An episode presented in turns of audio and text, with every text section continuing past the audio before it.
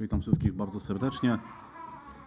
W imieniu Pana Jezusa Chrystusa, kochani, jakiś czas temu, kiedy miałem przywilej, możliwość stać tutaj przed Wami, powiedziałem, że chciałbym rozpocząć taki cykl pewnych kazań, pewnych spojrzeń na Boże Słowo, którym kiedyś już się dzieliłem, a mianowicie taki temat, który nazwałem roboczo Bóg stawia pytania.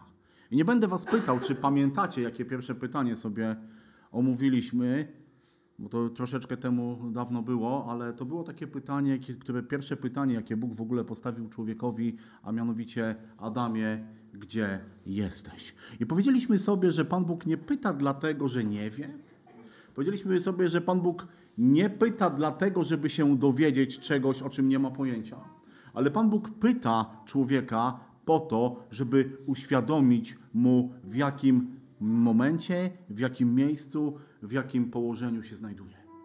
I kiedy Pan Bóg pytał Adama, gdzie jesteś, on doskonale wiedział, gdzie on był. Ale powiedzieliśmy sobie, że Pan Bóg też pyta mnie i ciebie, gdzie jestem w tej chwili. Jak wygląda moja relacja z Bogiem? Dlaczego jestem w tym, a nie innym miejscu? I dzisiaj chciałbym, żebyśmy przeszli sobie do kolejnego pytania. Nie jest to kolejne pytanie, które Pan Bóg zadaje w Biblii, ale jest to kolejne pytanie, które ja sobie wynotowałem, ponieważ wydaje mi się, że jest bardzo dobrym pytaniem. A mianowicie jest to pytanie, co chcesz, abym ci uczynił? Słuchajcie, to jest najlepsze pytanie, jakie człowiek może usłyszeć od Pana Boga. Wyobraźcie sobie, że Pan Bóg dzisiaj przychodzi, staje przede mną, przed Tobą i mówi: Co chcesz, abym Ci uczynił? Panie Boże, całe życie czekałem na to pytanie, wiesz? Ja gdzieś mam tu, poczekaj, ja gdzieś mam tutaj listę, wyciągnę i zaraz Ci powiem, wiesz, możemy to punkt po punkcie robić. Ale wiecie, z takim podejściem, wydaje mi się, że traktujemy wtedy Pana Boga jak, nie wiem, dżina z lampy, albo jak y, złotą rybkę, ale Pan Bóg nie jest ani dżinem z lampy. Pan Bóg nie jest złotą rybką. Co więcej, niektórzy bardziej pobożnie mogą traktować Boga, jak ja to nazywam, bogomat. Wiecie, co to jest bogomat? To jest jak automat. Mamy automaty różne na kole, na napoje. Wrzucamy pieniądz, naciskamy, wychodzi to, co chcemy. Niektórzy może mogą dzisiaj, może ja, może ty, traktujemy czasem Boga właśnie jak taki bogomat. Wiecie, odpowiednia modlitwa, wrzucamy, podparta jeszcze, jeszcze jakimś wersetem, że jeżeli wierzycie, to wam się spełni. Panie Boże, chcę, żeby przed zborem stało nowe czerwone Ferrari. Dla mnie, pyk. Przepraszam, pójdę zobaczyć, nie?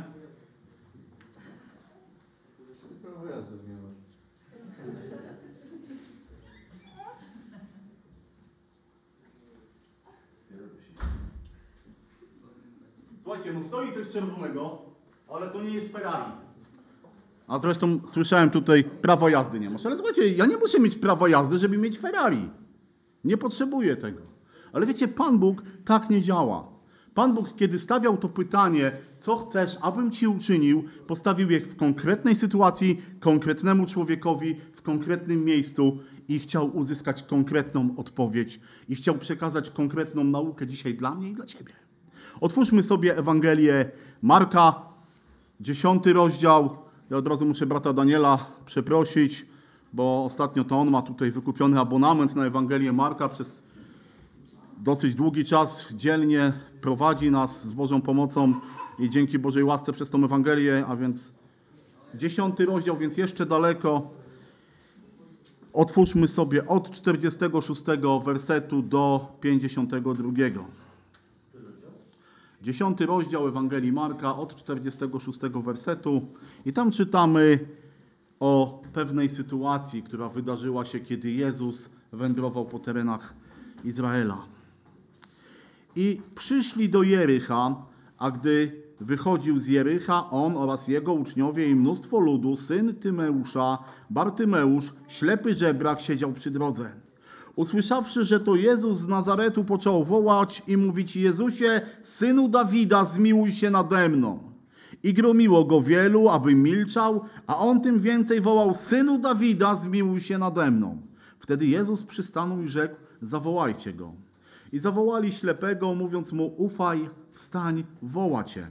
A on zrzucił swój płaszcz, porwał się z, miejsc, z miejsca i przyszedł do Jezusa. A Jezus odezwawszy się, rzekł mu, co chcesz, abym ci uczynił? A ślepy odrzekł mu, mistrzu, abym przejrzał. Wtedy mu rzekł Jezus, idź, wiara twoja uzdrowiła cię i wnet odzyskał wzrok i szedł za nim drogą. Myślę, że to jest taka sytuacja, myślę, że to jest taki moment w Bożym Słowie, który znamy. Pewnie wielokrotnie czytaliśmy tą historię, pewnie mamy jakieś tam bogate przemyślenia na jej temat. Wiecie, i kiedy czytamy tą historię, to wydaje mi się, że czasem robimy pewien błąd. Bo patrzymy na tą historię z naszej perspektywy. No, widzimy tragedię pewnego człowieka. Jest ślepy. Wiecie, dzisiaj to nawet chyba nie używa się tego słowa. Byśmy powiedzieli niewidomy, ociemniały. I wiecie, i z naszej perspektywy, kiedy patrzymy na życie niewidomego człowieka, to możemy stwierdzić, no przecież wcale ono nie jest takie złe dzisiaj. No bo dzisiaj ludzie, którzy są niewidomi, mają specjalne szkoły. Dzisiaj ludzie, którzy są niewidomi, mogą się uczyć, mogą pracować. Coraz więcej sprzętów, coraz więcej yy, udogodnień jest dla nich. Mogą czytać, mogą posługiwać się komputerem, yy, mogą zakładać rodziny. W sumie nie jest tak źle. Wiecie, koło mojej pracy jest firma, która zajmuje się produkcją sprzętów dla ludzi, którzy są niewidomi. Naprawdę nie macie pojęcia, ile rzeczy wyprodukowano, wymyślono, żeby pomóc takim ludziom. I tak naprawdę, poza tym, że oni nie widzą, to mogą robić wszystko to samo, co robiliśmy my. Wiecie, i kiedy dzisiaj patrzymy, na, kiedy dzisiaj czytamy to słowo i myślimy naszymi kategoriami, to dochodzimy właśnie do takiego, do takiego, do takiego poglądu, w sumie nie jest im tak źle. Poza tym, że nie widzą. Jeżeli to można powiedzieć, tylko, tak? Ja kiedyś zrobiłem sobie na jednym z obozów, nie wiem, czy ci, którzy jeżdżą do Teodorowa pamiętają, też dzieliłem się tą historią, wiecie, i przez cały dzień postanowiłem od śniadania do wieczornej społeczności mieć zawiązane oczy. Uczciwie do tego podszedłem, naprawdę, i powiem wam, że łatwo, łatwo nie było mimo wszystko. Ale tutaj ten człowiek, o którym czytamy, jego sytuacja była bardzo, bardzo poważna. Po pierwsze, widzimy, że był niewidomy. I to jest, słuchajcie, to nie jest normalny stan. Myślę, że większość z nas albo nikt z nas nie wyobraża sobie tego, jak to jest nie widzieć. I wiecie, nie wiemy, czy on był niewidomym, ślepym od urodzenia, czy stracił wzrok później. Na pewno była to wielka tragedia. Bo wiecie, dla nas dzisiaj człowiek niepełnosprawny, niewidomy, głuchoniemy, sparaliżowany nie jest niczym, chciałbym, nie chciałbym powiedzieć dziwnym, ale rozumiemy to, jest to choroba. W tamtych czasach, kiedy patrzyli na tego człowieka, który siedział przy drodze, to w głowach wielu, wielu ludzi, którzy go mijali, to wiecie, jaka się myśl pojawiała? To jest grzesznik. Jeżeli jest niewidomy, jeżeli jest ślepy, to znaczy, że jest grzesznikiem tak wielkim, że aż Bóg go musiał ukarać. Co więcej, być może on też tak o sobie myślał. Czytamy, że był żebrakiem. A więc wiecie, tak naprawdę był człowiekiem, który był skazany na to, co inni mu dadzą. Jak powiedziałem, nie mógł pracować, był pogardzany, Mógł tylko siedzieć przy drodze i czekać na to, co kto mu da.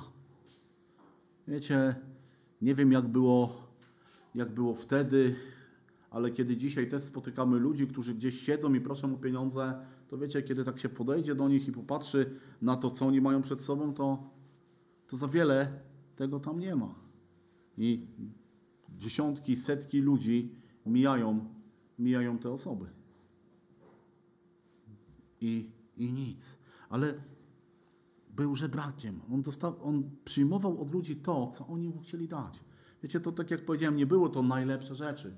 Co wiem, podejrzewam, że wiecie, każdy rzucał mu jakieś, nie wiem, resztki, ochłapy, żeby może w pewien sposób zadowolić swoją dobroczynność, ale dla niego nie był to przyjemny stan. Ale wiecie, w tym wszystkim, w tej całej sytuacji widzimy, że on miał pragnienie, on miał marzenie. On chciał widzieć. Wiecie, On nie chciał, podejrzewam, żeby ludzie mu dali nie wiadomo ile pieniędzy. On chciał widzieć. To jest coś, co, za co podejrzewam, był gotowy oddać wszystko. Dzisiaj ludzie niewidomi mają możliwości, medycyna się rozwija, coraz więcej słyszymy o rzeczach, o których jeszcze nawet nie wiem, jakiś czas temu nie, nie, nie były, by, były dla nas nie do pomyślenia, że coś takiego się dzieje. Ostatnio czytałem o jakiejś operacji, że człowiekowi kulę z serca wyjęto. Coś niesamowitego. Tak samo jest z operacjami medycznymi. Dzisiaj są takie możliwości, że ludzie naprawdę odzyskują wzrok. I to była sytuacja, ale w tamtej sytuacji, wiecie, nie było takich możliwości, nie było takich, takich, takich, nie wiem, leków, takiej medycyny, żeby on mógł widzieć. A mimo to największym pragnieniem jego serca było to, że chciał widzieć, chciał zobaczyć. I wiecie, on zdawał sobie sprawę, że jest to niemożliwe. Nie wiem, czy się modlił, czy nie, czy wołał do Boga. Podejrzewam, że tak. I wiecie, i ta sytuacja, kiedy on siedzi, być może już bez nadziei, być może bez jakiegoś, jakiejś, nie wiem, szansy na lepszą przyszłość, nagle słyszy, że drogą idzie Jezus. Nigdy go nie widział. Wiecie, on siedział przy drodze, więc prawdopodobnie słyszał o tym, co Jezus czyni. I w jednej chwili, w jednej sekundzie, w jednym, w jednym momencie on zrozumiał, że Jezus jest jego jedyną szansą na zmianę sytuacji. Że tylko Jezus jest w stanie zrobić coś, co jest niemożliwe. Że tylko Jezus jest w stanie przyjść do niego i zmienić tą sytuację.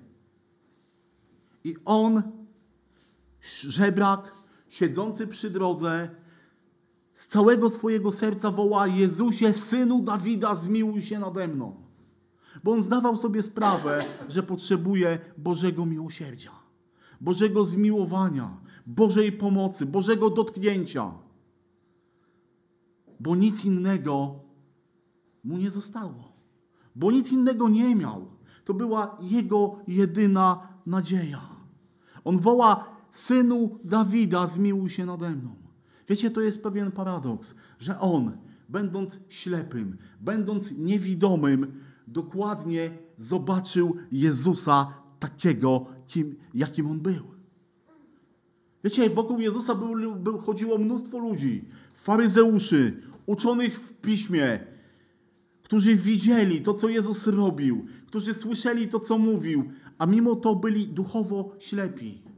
Natomiast Bartymeusz, człowiek niewidomy, ślepy, ociemniały, doskonale widział swoją duszą to, kim jest Jezus. Wiecie, to zawołanie synu Dawida to nie był grzecznościowy zwrot. To było uznanie w Jezusie Boga. W księdze Izajasza, bodajże w szóstym albo w dziewiątym rozdziale, syn Dawida jest tytułem Mesjasza. On widzi Jezusa i woła: Synu Dawida, zmiłuj się nade mną. On uznaje w Jezusie kogoś, kogo inni w nim nie widzieli. On widzi w nim Boga. On woła głośno o wybawienie. Zobaczcie, pomimo tego, że ludzie próbowali go uciszać, mówią, gromiło go, czytamy, gromiło go wielu, zamilcz, nie wołaj. To i tak nic nie zmieni. A jednak się zmieniło. Bo Jezus woła go. Bo Jezus mówi, przyjdź do mnie, Jezus zadaje mu to niesamowite pytanie: Co chcesz, abym ci uczynił? Co chcesz, żebym ci zrobił? I co on odpowiada? Panie, abym przejrzał. Boże, ja chcę widzieć. Właśnie wyobrażacie to sobie? Boże, ja chcę widzieć. Może ja chcę widzieć w końcu, jak wygląda niebo. Może chcę widzieć, jak wygląda twarz mojego ojca, moją rodzinę, moich przyjaciół, ale przede wszystkim, Jezu, chcę widzieć Ciebie. I jeszcze jedna taka, taki, taka, taka rzecz, która teraz tak mi przyszła do głowy. Zobaczcie. On siedział przy drodze. Przechodził tłum ludzi. Wiecie, nie wiem jak, jak wtedy to wyglądało, ale podejrzewam, byłem w kilku krajach z tego regionu, więc tam przy drodze to się handluje, to się krzyczy, to się wymienia, to, to jest zgiełk, jest hałas. A on mimo wszystko woła do Chrystusa i co? I Chrystus go słyszy. I mówi: Przyjdź do mnie. Wiecie, dzisiaj wielu ludziom się mówi: o, nie, mu, nie zwracaj się do Boga, Bóg jest zbyt zajęty, żeby Ciebie usłyszeć. Bóg nie ma czasu dla Ciebie. Wiecie, szatan tak dzisiaj oszukuje wielu ludzi. Mówi: Nie przychodź do Boga, bo on i tak się Tobą nie zajmie. Ale cię, kiedy człowiek szczerze woła do Boga, choćby to był cichy głos, to Bóg zawsze go usłyszy. To jest niesamowite w naszym Bogu, że nie ma takiej sytuacji, nie ma takiego miejsca, z którego wołałbyś do Boga, a on by nie słyszał. Tak jak Bartymeusz szczerze mówi: Synu Dawida, zmiłuj się nade mną, i przychodzi do niego Chrystus i daje mu swoje miłosierdzie. Jakże często my, nawet jako ludzie wierzący, zapominamy o tym. Jakże często nawet my, jako ludzie wierzący, mówiący o sobie jesteśmy chrześcijanami, zapominamy, że możemy wołać do naszego Boga. Jakże często nie jesteśmy w stanie, jakże często gdzieś w naszym sercu jest niewiara, czy rzeczywiście Bóg pomoże. Pomógł ci sto razy, to myślisz, że sto pierwszy nie pomoże. Ale gdzieś gdzieś nie potrafimy do Niego zawołać. Bo wątpimy, bo nie chcemy. Ale wiecie, ten fragment ma też takie troszeczkę inne duchowe zastosowanie. Bo widzimy tutaj niesamowitą rzecz. Widzimy człowieka, który miał pragnienie i Bóg pozwolił mu to pragnienie, Bóg zrealizował to pragnienie.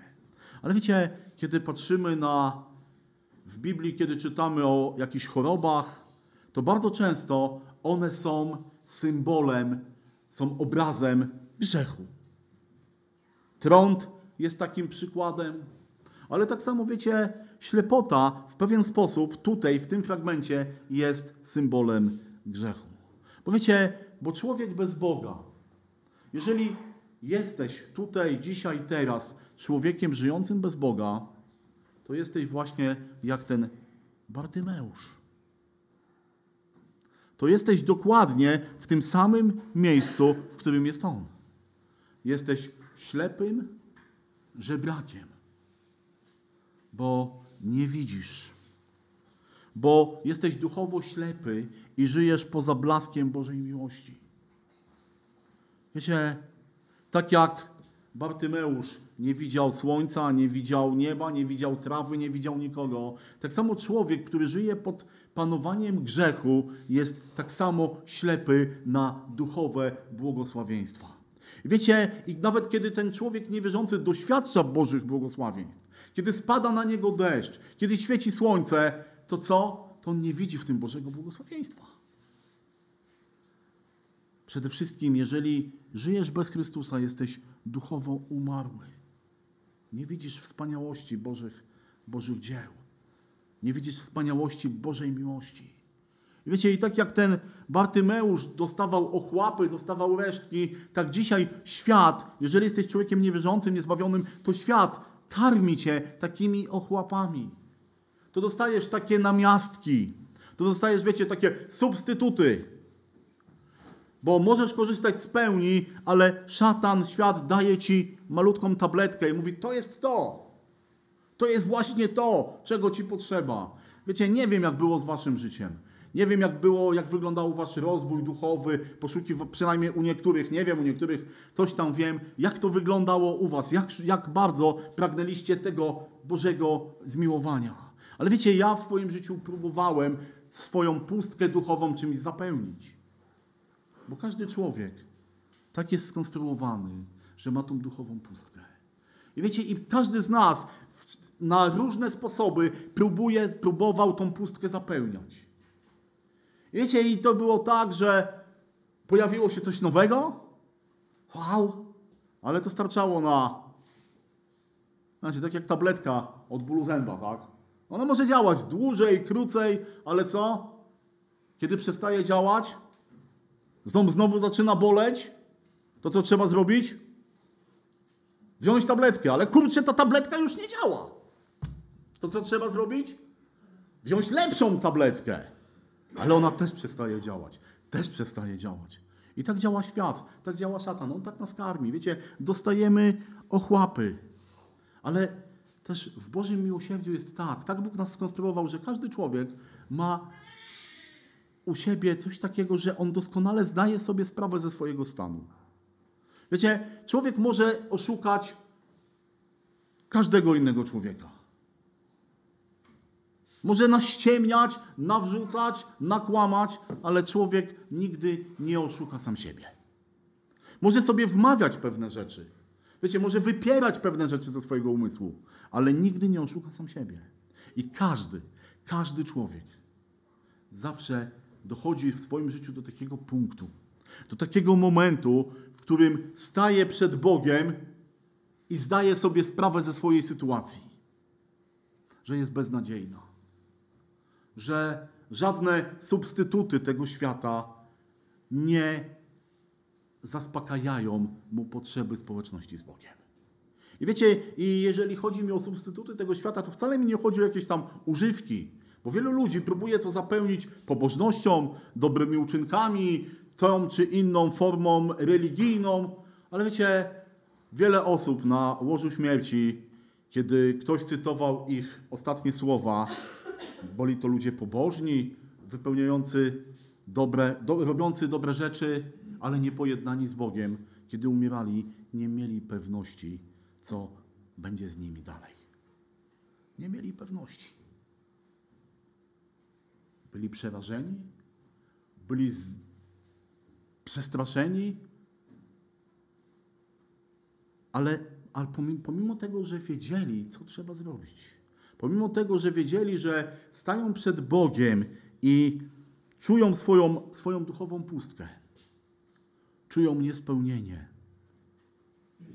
Że chyba nie ma gorszego, gorszego wrażenia przed śmiercią, że całe swoje życie zmarnowałem. A co więcej, jestem głęboko przekonany, bo to wypływa z Bożego Słowa, że Pan Bóg nikogo nie zostawił w, bez możliwości wyboru pójścia za nim. Bo Pan Bóg do każdego z człowieka przychodzi i zadaje mu to pytanie: Co chcesz, abym ci uczynił? Co chcesz, abym uczynił z Twoją duszą? Do każdego Bóg tak przychodzi. Wiecie, kiedy Bartymeusz dostał to pytanie, to miał pragnienie wspaniałe, piękne, cudowne. Chcę widzieć. Ale wiecie, tak naprawdę to, co zrobił później, no zobaczcie, no dobra, przychodzi, staje przed Jezusem, Jezus pyta, co chcesz, abym Ci uczynił? On mówi, chcę, abym przejrzał. Jezus mówi, niech tak będzie. Wiecie, kiedy on odzyskał wzrok, kiedy on się rozejrzał dookoła, to co on mógł zrobić? Mógł zrobić wszystko, co chciał. Wiecie, mógł założyć biznes, mógł zacząć podróżować, mógł wyjść w końcu z Jericha. Naprawdę mógł zrobić wszystko. Mógł iść do domu, mógł się cieszyć, mógł, mógł świętować, móc, nie wiem, założyć fundację pomagającym innym niewidomym ludziom. A co robi? On wstaje i idzie za Jezusem. Mógł zrobić wszystko. Wiecie, i oczywiście ja nie chcę powiedzieć, że te rzeczy, które wymieniłem, są złe. No bo lubimy świętować, lubimy spędzać czas z przyjaciółmi, lubimy podróżować, ale wiecie, bardzo często zapominamy o najważniejszej rzeczy, że w świętowaniu, w podróżowaniu, gdziekolwiek, cokolwiek robimy, na pierwszym miejscu musi być to, że jesteśmy tam z kim? Z Jezusem. Nie może być tak, że w swoim życiu ja mówię, dobrze, Panie Jezu, w tym momencie robimy sobie urlop. Lubimy urlopy. Kto z Was nie lubi urlopu? No, żyjemy od urlopu do urlopu. Bo co? Bo wtedy kończy się pewna rutyna, możemy robić to, na co nie mieliśmy czasu, możemy nic nie robić, to też jest czasem przyjemne, ale wiecie, cokolwiek robimy w chrześcijaństwie, nie ma urlopu. Zawsze jesteśmy z Jezusem. Zawsze idziemy tam z Nim. I Bartymeusz był człowiekiem, który mówi, który nie tylko mówi, synu Dawida, zmiłuj się nade mną. On nie tylko uznaje Jezusa jako Mesjasza, bo wiecie, dzisiaj wielu ludzi na świecie uzna w Jezusie Boga, uzna w Jezusa, w Jezusie, że Jezus jest kimś wyjątkowym, ale na tym uznaniu się tylko kończy. Wielu ludzi, mądrych ludzi powie dzisiaj, tak, tak, no Jezus istniał, tak, istnieje Bóg, ale co? Ale to nie ma zupełnie wpływu na moje życie. I ci ludzie, pomimo, że mają otwarte oczy, pomimo, że, wiecie, bo kiedy Duch Święty przychodzi do człowieka, bo Duch Święty przychodzi do człowieka i pierwszą rzeczą, jaką robi w jego życiu, to jest co? Przekonuje go o grzechu. Człowiek nie jest jeszcze wierzący, ale pierwszym działaniem Ducha Świętego w życiu człowieka jest to, że on przychodzi i prosto z mostu mówi: Jesteś człowieku grzesznikiem. Ja? Wiecie, jak szczerze spojrzy, każdy wtedy, kiedy Duch Święty dotyka serca człowieka, to każdy człowiek może, wiecie, wcześniej może pajacować, może grać, może udawać, ale kiedy Duch Święty przychodzi do ciebie, kiedy jesteś na kolanach i on ci mówi, jesteś grzesznikiem, nie będziesz grał, nie będziesz udawał, bo sobie uzmysławiasz swój stan. I dalej już jest wybór. Bo Duch Święty zostawia cię z tym, jesteś grzesznikiem i co z tym zrobisz? Powiedzcie, możemy, Pan Bóg daje nam wybór. Możemy uznać to, że jesteśmy grzesznikiem. No jestem. No i co? Pst. On jest, on jest, ona jest. Jakoś to będzie. Ale kiedy Duch Święty cię dotyka, to wiesz, on nie, nie przychodzi, Bóg nie przychodzi do ciebie i mówi, jesteś grzesznikiem, ha, ha, ha, ha, i co teraz? Ale Pan Bóg daje ci rozwiązanie. Pan Bóg mówi, jesteś grzesznikiem, ale ja chcę to zmienić. Ja nie chcę, żebyś umierał za ten grzech, bo ja już za niego umarłem. Przyjdź, zawołaj i pójdź za mną. Jeżeli coś takiego w Twoim życiu się wydarzyło, jeżeli Duch Święty przyszedł do Ciebie, to pozwól Mu, aby otworzył Tobie oczy i pozwól Mu na to, żeby kierował Twoim życiem i zacznij iść za Bogiem. Bartymeusz idzie za Jezusem. Wiecie, on w jednej chwili, można powiedzieć, przewartościował swoje priorytety, przewartościował swoje życie. To, co było dla niego wszystkim, czyli jego, nie wiem, może dobre miejsce, może tam dobre pieniądze dostawał, tak? Jego płaszcz, on to zostawia i idzie za Jezusem.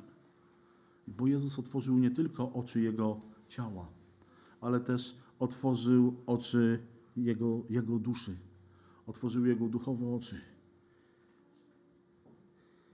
I wiecie, kiedy Pan Bóg dotyka mojego, Twojego serca, kiedy Pan Bóg przychodzi do nas, to kiedy otwiera nasze duchowe oczy, to wiecie, to dużo się zmienia, to wszystko się zmienia. Inaczej patrzymy na Boga. Przed, przed tym, jak patrzyliśmy na Boga. Czy pamiętacie, jak patrzyliście na Boga przed swoim nawróceniem? Kim był dla Was Bóg? Kimś, może o kimś coś wiedzieliśmy, słyszeliśmy, a może kimś, kogo świadomie znieważaliśmy swoim życiem. Bóg zmienia spojrzenie. Być może był kimś, kogo się baliśmy. A kiedy Pan Bóg Ciebie dotyka, to Pan Bóg staje się Twoim przyjacielem. Wiecie, zmienia się spojrzenie na nas. Na nas samych. Inaczej siebie widzimy. Wiecie, człowiek, który żyje bez Boga, to uważa, że na, najważniejszy to jestem ja. Ja mogę wszystko. Ja, jeżeli będę chciał, to mogę wszystko. A potem staje przed Bogiem i widzi, że nie może nic. Że jeden, jedna, jeden Boży gest, jedno Boże Słowo i jesteś na kolanach. Bóg chce zmienić Twoje spojrzenie. Wiecie, kiedy Pan Bóg otwiera nasze duchowe oczy, to dla wielu, wielu mówi, o, to już wszystko, ale to jest dopiero początek. Bo wiecie, bo Pan Bóg chce ciągle i ciągle otwierać moje i Twoje oczy. Pan Bóg chce ciągle, żebyś widział inaczej. żebyś widział właściwie, żebyś w odpowiedniej perspektywie widział Jego, widział siebie, widział innych. Pan Bóg też chce, żebyśmy patrzyli na siebie nawzajem, patrzyli na innych Jego oczami. Znacie tą historię, kiedy prorok Samuel przychodzi do Betlejem, żeby wybrać króla po Saulu? Pamiętacie tą historię? Idzie do domu Isajego, mówi mu wspaniałą rzecz. Isaj, słuchaj, jeden z twoich synów będzie królem. No i co? Isaj mówi, no to dobrze. Przyprowadza najstarszego, chłop na skwał, chłop jak dąb. Samuel patrzy na niego i mówi co? Samuel, fajnie, duży. Sa Saul też był duży. Będzie dobry. A wtedy Pan Bóg mówi, nie, nie. Nie patrz na jego wzrost. Nie patrz na jego bicepsy, bo Pan Bóg patrzy na serce. I wiecie, i Pan Bóg dzisiaj każdego z nas chce nauczyć takiego patrzenia. Chce, żebyśmy patrzyli na serce. Pozwólcie, że podzielę się jeszcze jedną historią z Ewangelii Łukasza, siódmy rozdział.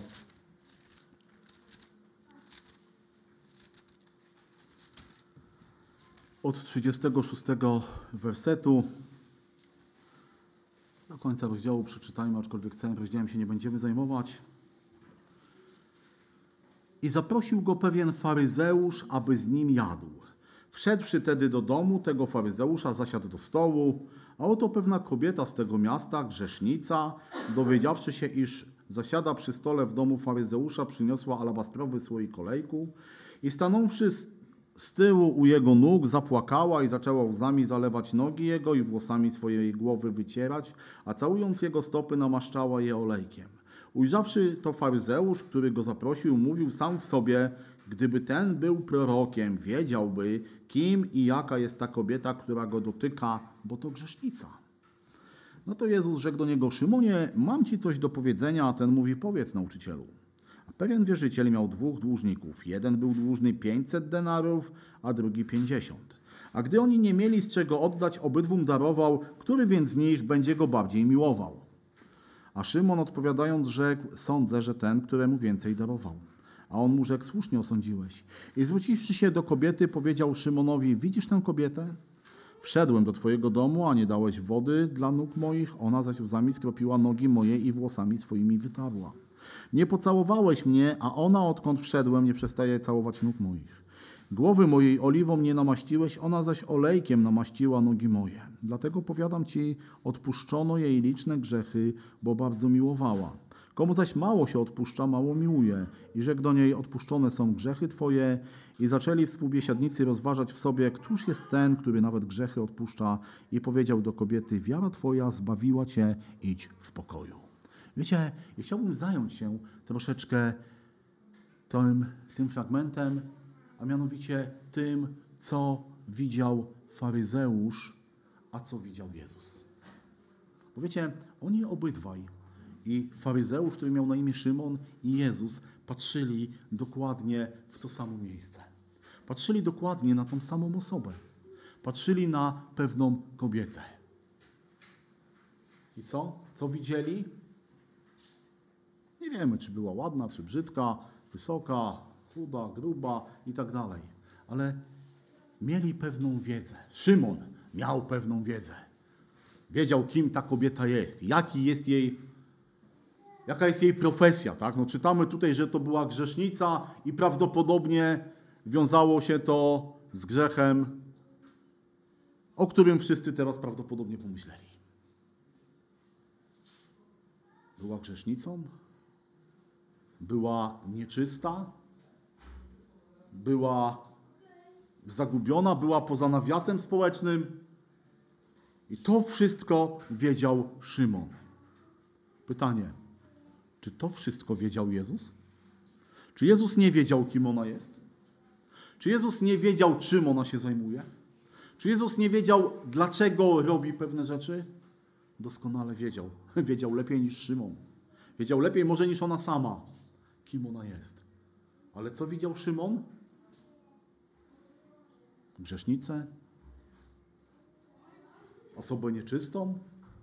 Od razu jego myśli pewnie gdzieś tam szły. Jego myśli odnośnie Chrystusa też szły. Czy Jezus nie widział, kim ono jest? Wiedział. Ale co widział Jezus?